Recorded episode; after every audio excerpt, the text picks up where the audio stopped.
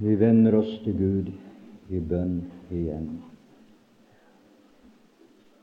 Takk, Herre, for de ord som vi fikk lytte til i Salmernes bok, hvor din lidelseshistorie er fortalt på forskudd. Takk for at du kjempet en seier i kamp. Takk for hva du vant. Takk for hva vi fikk.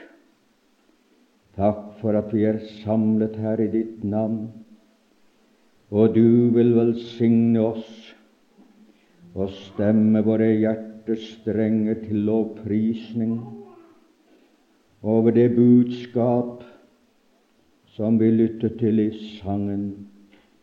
Ja, vær hos oss med din hellige ånd, så at vi får lov å se hvilken underfull frelser og stor frelser du, o Gud, gav oss i Jesus Kristus. Hør oss og bønn, hør oss, for Jesu Kristi skyld. Amen. Vi skal jeg leser fra Johannes evangeliet, fra det trettende vers, nå så til og med det attende i Jesu navn. Jesus var da kommet til Pilatus, og han hadde forhørt ham. Og så fører vi videre hva som da ble sagt og gjort. Da nu Pilatus hørte disse ord, førte han Jesus ut og satte seg på dommersetet på det sted som kalles stenlagt på hebraisk Gabata.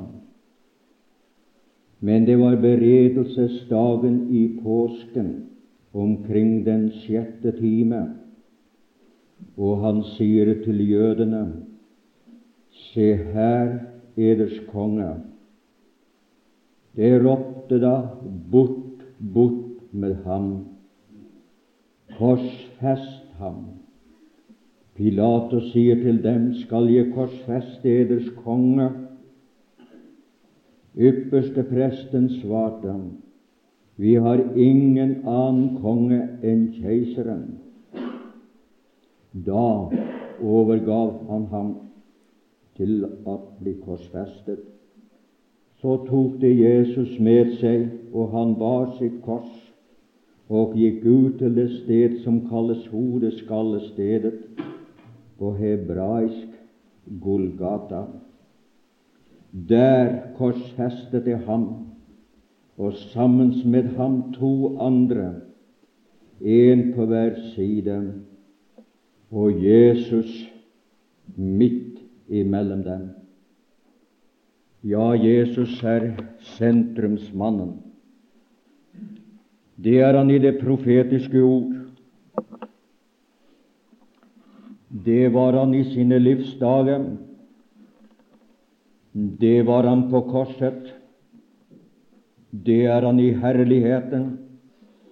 Det er han for hver enkelt en som er frelst. Det som jeg har tenkt å ville tale om, vil jeg forme det emnet Hva skjedde på korset? eller på Golgata. Det er et spørsmål, og et spørsmål krever svar. Jeg vil prøve å gi ti forskjellige svar til dette spørsmål for å gjøre det klart. Men hvem kan vel lodde dybden av Jesu lidelse Og hvem kan vel peile høyden av et fullbrakt verk og skue lengden av et slikt frelsesverk som hjalp både fortiden, nåtiden og fremtiden og evigheten. Det blir bare stykkevis og delt, men vi blir aldri ferdig med dette. For at det skal være lettere å huske, så nevner jeg enkeltvis disse ting som jeg vil påpeke. For det første på Golgata. Der ofret Gud sitt eneste offerland som slektens eneste stedfortreder. Han har ingen bedre. Der var ingen bedre. Han er den eneste. Går du utenom ham, er du fortapt. Det er veien, han er veien, sannheten og livet, den eneste som fører fra korset til himmelen, og den som kommer dit. Der har det vært mange, mange land. gjennom seklerne. Og bare fra loven og gudstjenesten og ofringene ble opprettet i Sinai, ved Sinai, og til tempelet ble ødelagt i år 70, er det regnet ut at mer enn to millioner av påbudte ofre, blodige ofre, var blitt ofret i soningens tjeneste? Ikke de private ofre, men dem som var påbudt. Blodet har rettes lange, store strømmer. Døden hadde talt. Alt hadde vitnet, vitnet fremover til Golgata, til Kristus, til Guds lam som bærer verdens synd, som bar verdens synd. Ja, de mange land hadde vist seg å være effektiv i sin forbilledlige tjeneste. Der var det dekkende land i utenfor paradis, eller i paradis, får vi si, som dekkede Adam og Evas nøkenhet og frelsens kledebånd fra en korsfestet Kristus og en seirende oppstanden Herre. Den har dekket vår nøkenhet. Den har fullbrakt verket slik at vi må få lov å komme til Gud og stå ren og rettferdig himmelen verdig i Ham. Og kledt i din frelser jeg står, ren som en lilje i vår. Det er også en bibelsk sannhet. Den enslige stedfortreder gjorde det mulig for at Abel stod for Gud som den han hadde behag i, fordi han hadde behag i hans offer. Der var det nok til å tilfredsstille offeret i offeret for Abel, at det er nok for oss. Bare i ham er vi Gud velbehagelig, og uten ham er det en umulighet. Det var den enslige, og du som er ene, du kan få en stedfortreder i Kristus hvis du ikke har fått ham. Der var familiens stedfortreder, påskelammet, som vi nevnte i går, noe som var nok for hele familien. Ingen manglet noe. Ingen behøvde mer. Alle fikk nok i lammet, tryggende blodet. Der var nasjonens stedfortreder på forsoningsdagen for hele nasjonen, en tilgivelse for et helt år. Men det kom en enda større, og den eneste, han som alle hadde talt om, og det var verdens stedfortreder Guds enbårne lam, Guds enbårne sønn, Guds lam.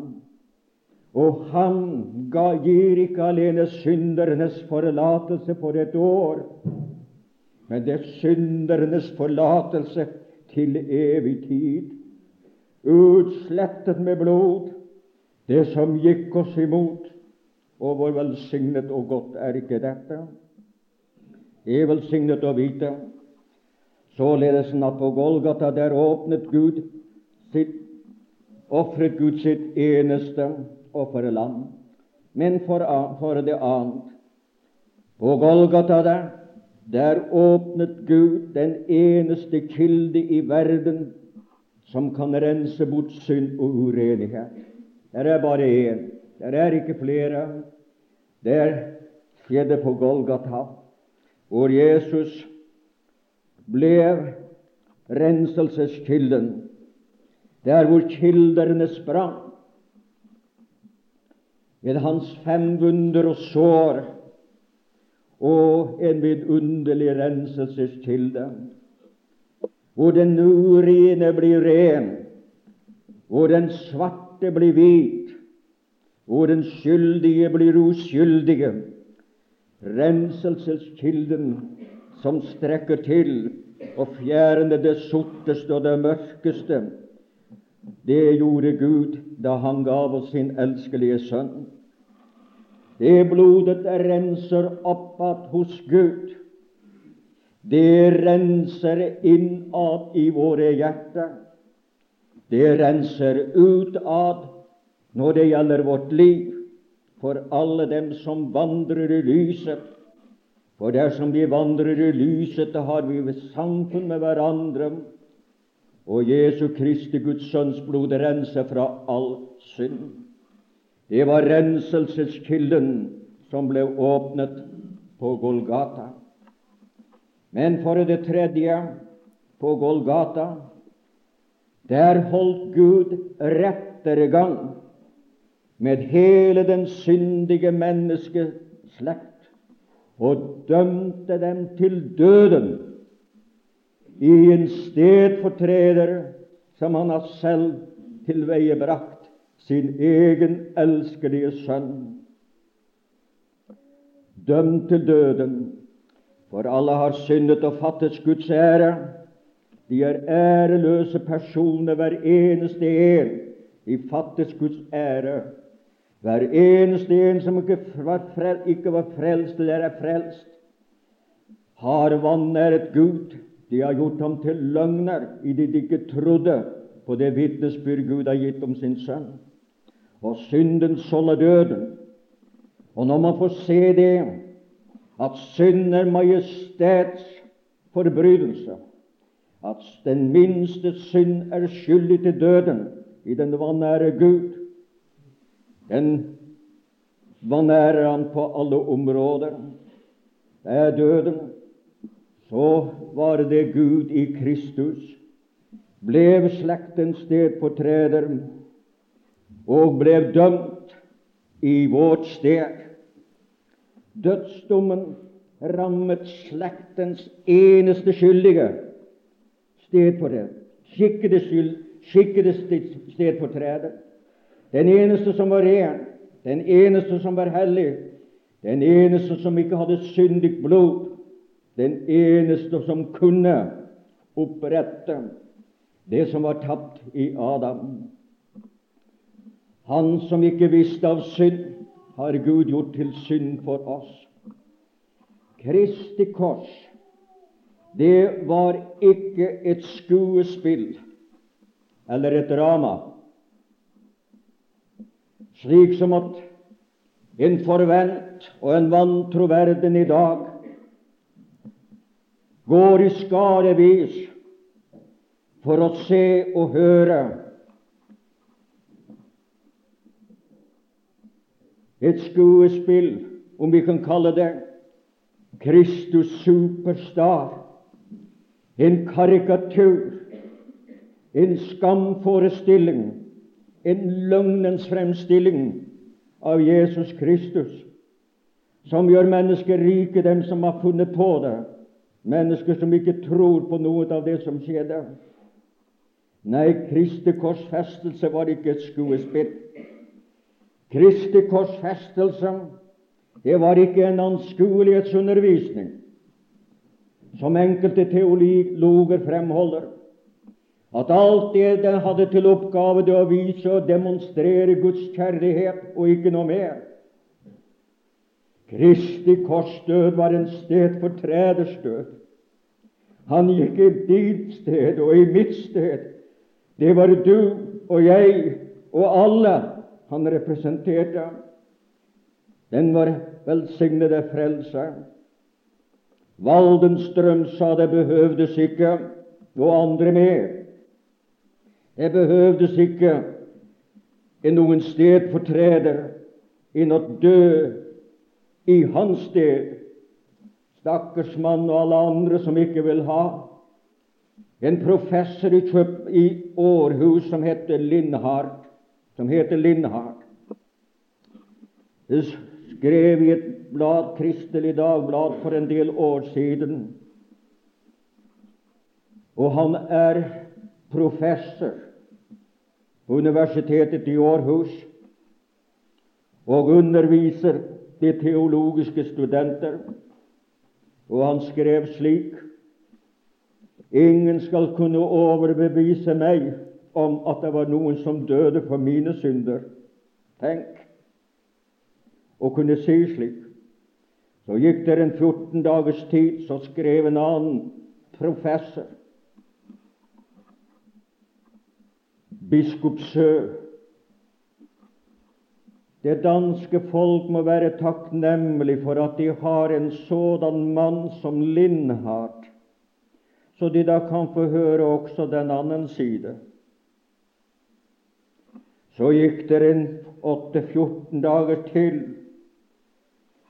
Så kom det en indremisjonær, eller vi vil si emissær, for de kaller dem for, for misjonær, indremisjonær. Og så skrev han slik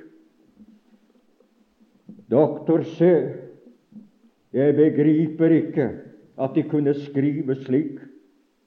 I deres ungdomsdager var de benyttet i indremisjonen til å vinne sjeler for Gud, og Herren vedkjente seg deres arbeid. Og så kan de skrive på en slik måte Jeg synes de bør skamme dem. Og da jeg leste det, så sa jeg ammen. Ja, man burde skamme seg og fornekte den Herre som frelser. Og du, min venn, hvor skulle vi hen uten blodet? Hvor skulle vi hen uten Han som gikk i vårt sted og tok vår plass og fjernet alt det onde som gjorde så inntil, inntil barmen, og velsignede Frelser? Han ble såret for våre overtredelser, knust for våre misgjerninger. Straffen ble lagt på ham for at vi skulle ha fred. Og først når jeg kunne få lov å lese det slik Han ble såret for mine overtredelser, knust for mine misgjerninger. Straffen ble lagt på ham for at jeg skulle ha fred, og jeg har fått legedom med hans sår. Da ble det fred i sjelen. Da ble det frelse. Da ble korsets gåte løst. Da ble jeg hans barn.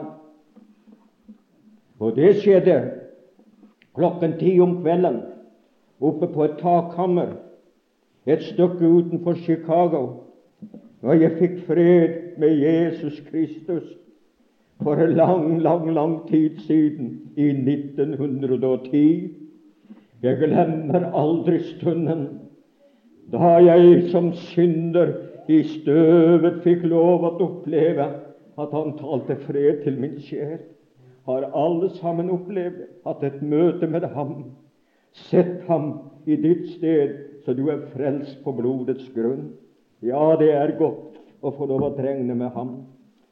For det fjerde, på Golgata, der ble den største og tyngste byrde båret av Guds sønn.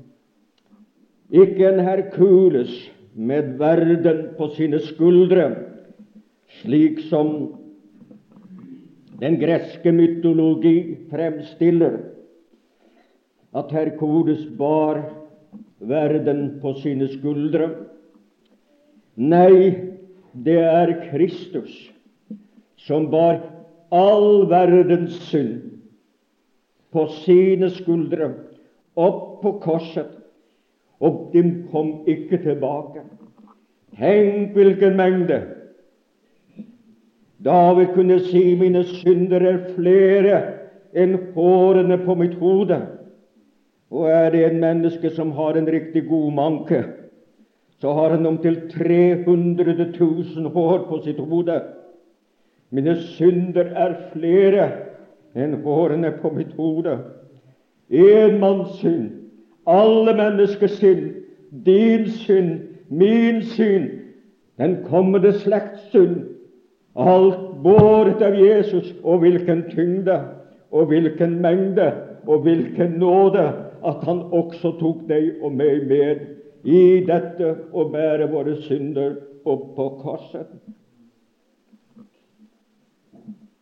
Hvor godt å kunne få lov å regne med det, at det han har båret, det er kastet bak ham i forglemselens hav.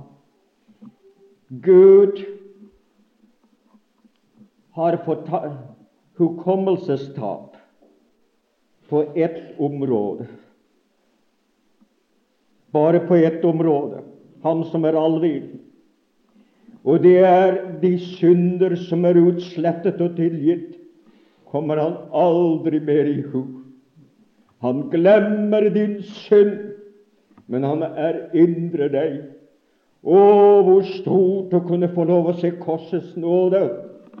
Å, hvor det skulle fylle våre hjerter med takk og tilbedelse og lovprisning, så vi holdt oss nær til ham og levde for ham og vitnet om ham, ham alene, som er verdig til å få hele vårt liv. For han har jo kjøpt oss til Gud med sitt blod. Ja, det er godt å vite det, at så skjedde på Golgata. Men en videre, for det femte, på Golgata, der ble den høyeste pris betalt for å sette syndens fanger i frihet.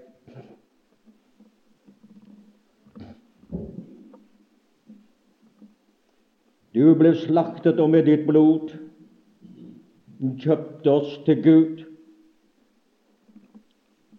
Av hver stamme og hver tunge og hver folk og ett står det i Åpenbaringen 5.9. Vi er dyrkjøpte. Det var en stor pris. Det var dyrt kjøpt. Det kostet dem alt. Skyldbrevet ble naglet til korset. Og den troende på Kristus står skyldfri innenfor Gud, for synden er betalt. Frelsesverket er fullbyrdet. Kravene er dekket. Du kan regne med det er slettet med blod, det som gikk de imot. Det ble naglet til korset ved ham. Han som ikke sparte sin egen sønn, men ga ham for oss alle.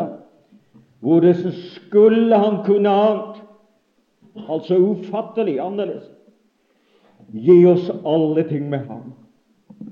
Det er vel forsikring og garanti fra høyeste hold med den høyeste og dypeste og altinnfattende forsikring et menneske kan ha og få. Det har man fått i Jesu Kristi frelsesverk. På Golgata der ble den største verdenskrig utkjempet og vunnet for Gud og mennesker.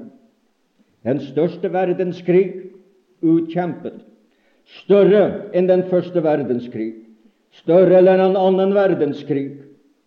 For Gud var i Kristus og avvæpnede makterne og myndighetene og stilte dem åpenlyst til skue. Og han viste seg som seierherre over dem på, på korset. Det var den sterkeste som overvant den sterke og tok hans bytte, mennesker i syndens slaveri og synd og Satans tjeneste, og satte dem fri. Så ordet er sant, at den som Sønnen får lov å frigjøre, er virkelig fred.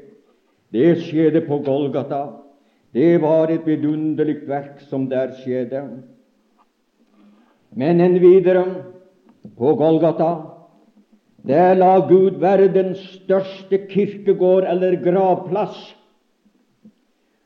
For han begrov hele menneskeslekten i en person, Jesus Kristus. En er død for alle, og derfor er det alle døde. Han smakte døden for alle, sier Skriften. Død med Kristus. Regner du slik, da regner du rett. Begravet med Kristus, med troen på ham, for at du skal leve med Kristus. Til det skjer når man tar imot Kristus og regner med det Gud regner, og tar imot det Gud gir i Kristus, for at vi må leve et nytt levnet leve for ham som nye skapninger. Det er vidunderlig å kunne få lov å regne dem. Ja, det var en stor seier som der ble vunnet. Verdens største kirkegård. Begravet betyr veldig meget. Det betyr å bli brakt ut av ens åsyn. Ordet fikk sin betydning da Abraham søkte en grav, kjøpte en grav, Makpelas hule, og begrunnet det slik for å bringe mine døde bort fra mitt åsyn. Så dette å bli begravet, det å bli brakt bort fra ens åsyn. Og i Kristi Jesu død og begravelse er den synder brakt bort fra Guds åsyn. For Gud var i Kristus og forlikte verden med seg selv. Og Derfor heter det også dette La dette forlike med Gud. Stryk opprørsfanen, kapituler fullstendig for Kristus og regn. Gud vil ikke se din synd. Han vil ikke se din person i Adam. For den som tror på Kristus, beskuer Gud. Et menneske i Kristus som en nyskapning i Kristus Jesus, brakt bort fra hans åsyn, tilgitt, renset, oppreist og lever med Kristus og sitter i himmelen i Kristus. Å, mine venner, det er et veldig verk som skjedde der på Golgata. Men for det åttende, der ble en evig fredsprakt og en evig en evig fredstraktat og en evig pakt opprettet. En fredstraktat underskrevet med Jesu blod. En fredstraktat som er sann, og som Gud holder seg til, og som ikke brytes. For denne traktaten er opprettet og denne pakten er opprettet mellom Faderen og Sønnen, og ikke mellom Gud og mennesket. Det var Moselovens pakt. Det var mellom Gud og folket. De sa vi kan holde den, og de brøt pakten. Og han sa, 'Jeg har ikke behag i dere'. Gud vil ikke gjøre det om igjen. Han innstiftet en pakt og en kontrakt med Sønnen. og den er bindende. Den nye pakt i mitt blod, den står ved like. Da den annen verdenskrig var omme, da møttes verdens store, som så å si var skyld i krigen. Hvor man nesten sier det kan jo bestrides. Der møtte Stalin i Jalta. Og Churchill og Roosevelt og en fra Frankrike kan ikke huske i øyeblikket hva han het, om det var Petan, Det kan jeg ikke sikkert på. Verdens fire store.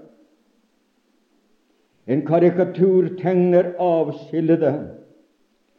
De satt ved det runde bord der og forhandlet om Europas skjebne. I bakgrunnen står en Kristus, så man tegnet en Kristus står med de utstrakte hender. Nedenunder karikaturtegningen står det en som ikke ble tatt med. Ja, mine venner, det er verdens store dårskap og verdens mektige store dårskap at de ikke tar Jesus Kristus med. Jeg tror det var noe over 150 overenskomster som ble inngått der. Av disse, jeg tror det var Churchill som sa det, av alle disse har Russland ikke, Stalin ikke innfridd én, eller Russland innfridd en eneste en, men de har brutt alle overenskomster. Sådan er det. Og det er så at de delte det i verden, og vi har sett hvilket bytte det ble, hvilken, hva som har skjedd. Med Jesu Kristus, der han med sitt blod ble en garanti for sjelene. Det er fredstraktaten. Det er garantien for at han krever intet uten at du tror, og ved troen får et nytt liv til å kunne leve annerledes enn før, slik at du, ditt liv blir en ære for Gud og ikke en skam i synd og last. Til sluttelig må jeg få lov å si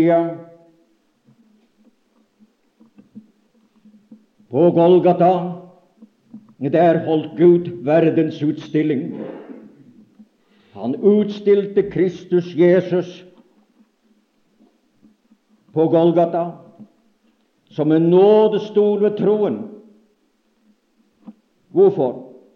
Alle har syndet og fattet Guds ære, og det blir rettferdiggjort uforskyldt ved Hans nåde, ved forløsningen i Kristus Jesus, står det i Romerbrevet, tredje kapittel, og det 23. og 24. vers. Men hvorledes? Kristus Jesus, som Gud stilte til skue i hans blod, som en nådestol ved troen. Romerbrevet 3,25. Der må vi legge merke til at det er forskjell mellom nådestol og nådens trone. Brennofferalteret i den gamle pakts tabernakel og tenke, det var nådestolen. Og den pekte hen til Golgata. Brennofferalter peker hen til Golgata. Men det var en annen stol. Det var i det aller helligste. Der var paktens ark. Der var Gud til stede, var Hans herlighet til stede. Det svarer til nådens trone. Og nådens trone for oss i dag, det er Kristus som sitter ved Faderens høyre hånd, og hvor vi har en hovedsak at han satte seg der og hviler i et fullbrakt verk. Faderen sier det er nok, Sønnen sier det er nok, det er fullbrakt. Og du og jeg må vel si vi hviler i dette fullbrakte verk. Det er nok for ham det er nok for oss. Så derfor skylder og vi går inn til nådens trone, og der både vi finner og får nåde og hjelp til rette tid. Jeg sa det var det siste, men jeg hadde den tiende ting jeg må påpeke før jeg slutter. På Golgata der sprengtes det evige dører som hadde vært stengt fra syndefallet. Forhenget revnede, og forhenget avskygger hans kjød. Og det revnede. Inngangen ble fri. Stengselet var fjernet. Vi kan gå inn med frimodighet. Og hvor godt å kunne få lov å komme. Og han er på tronen nå, og han kommer sine i hu. Og det tar ikke lang tid. Skal vi reise med lysets hastighet, så er det 300 000 km i sekundet. Flere ganger rundt jorden i et sekund. Derfor er det vi kan høre Amerika eller fjerneste steder i løpet av bare Så snart han er sagt, så er det hørt. Gud er den samme hastighet. Men når vi har kommet til nådens trone, ved troen går, når frem, så er det tankens hastighet. Og han møter oss, og før vi råper, svarer han oss. Og hvor godt å kunne få vite det. Vi når frem, og vi går inn, og vi får, og vi opplever er noe av det som skjedde på Golgata fordi Kristus seiret, og fordi han vant, og at han lever i dag og går i forbønn for oss.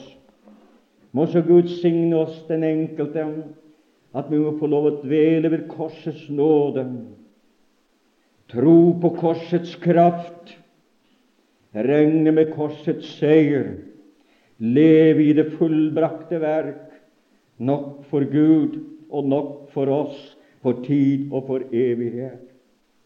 Du later ditt ord lyse over korsets gåte, og den seier du vant, og den frihet du kjøpte, og det sjele som du vant, skal evig prise deg i herlighet.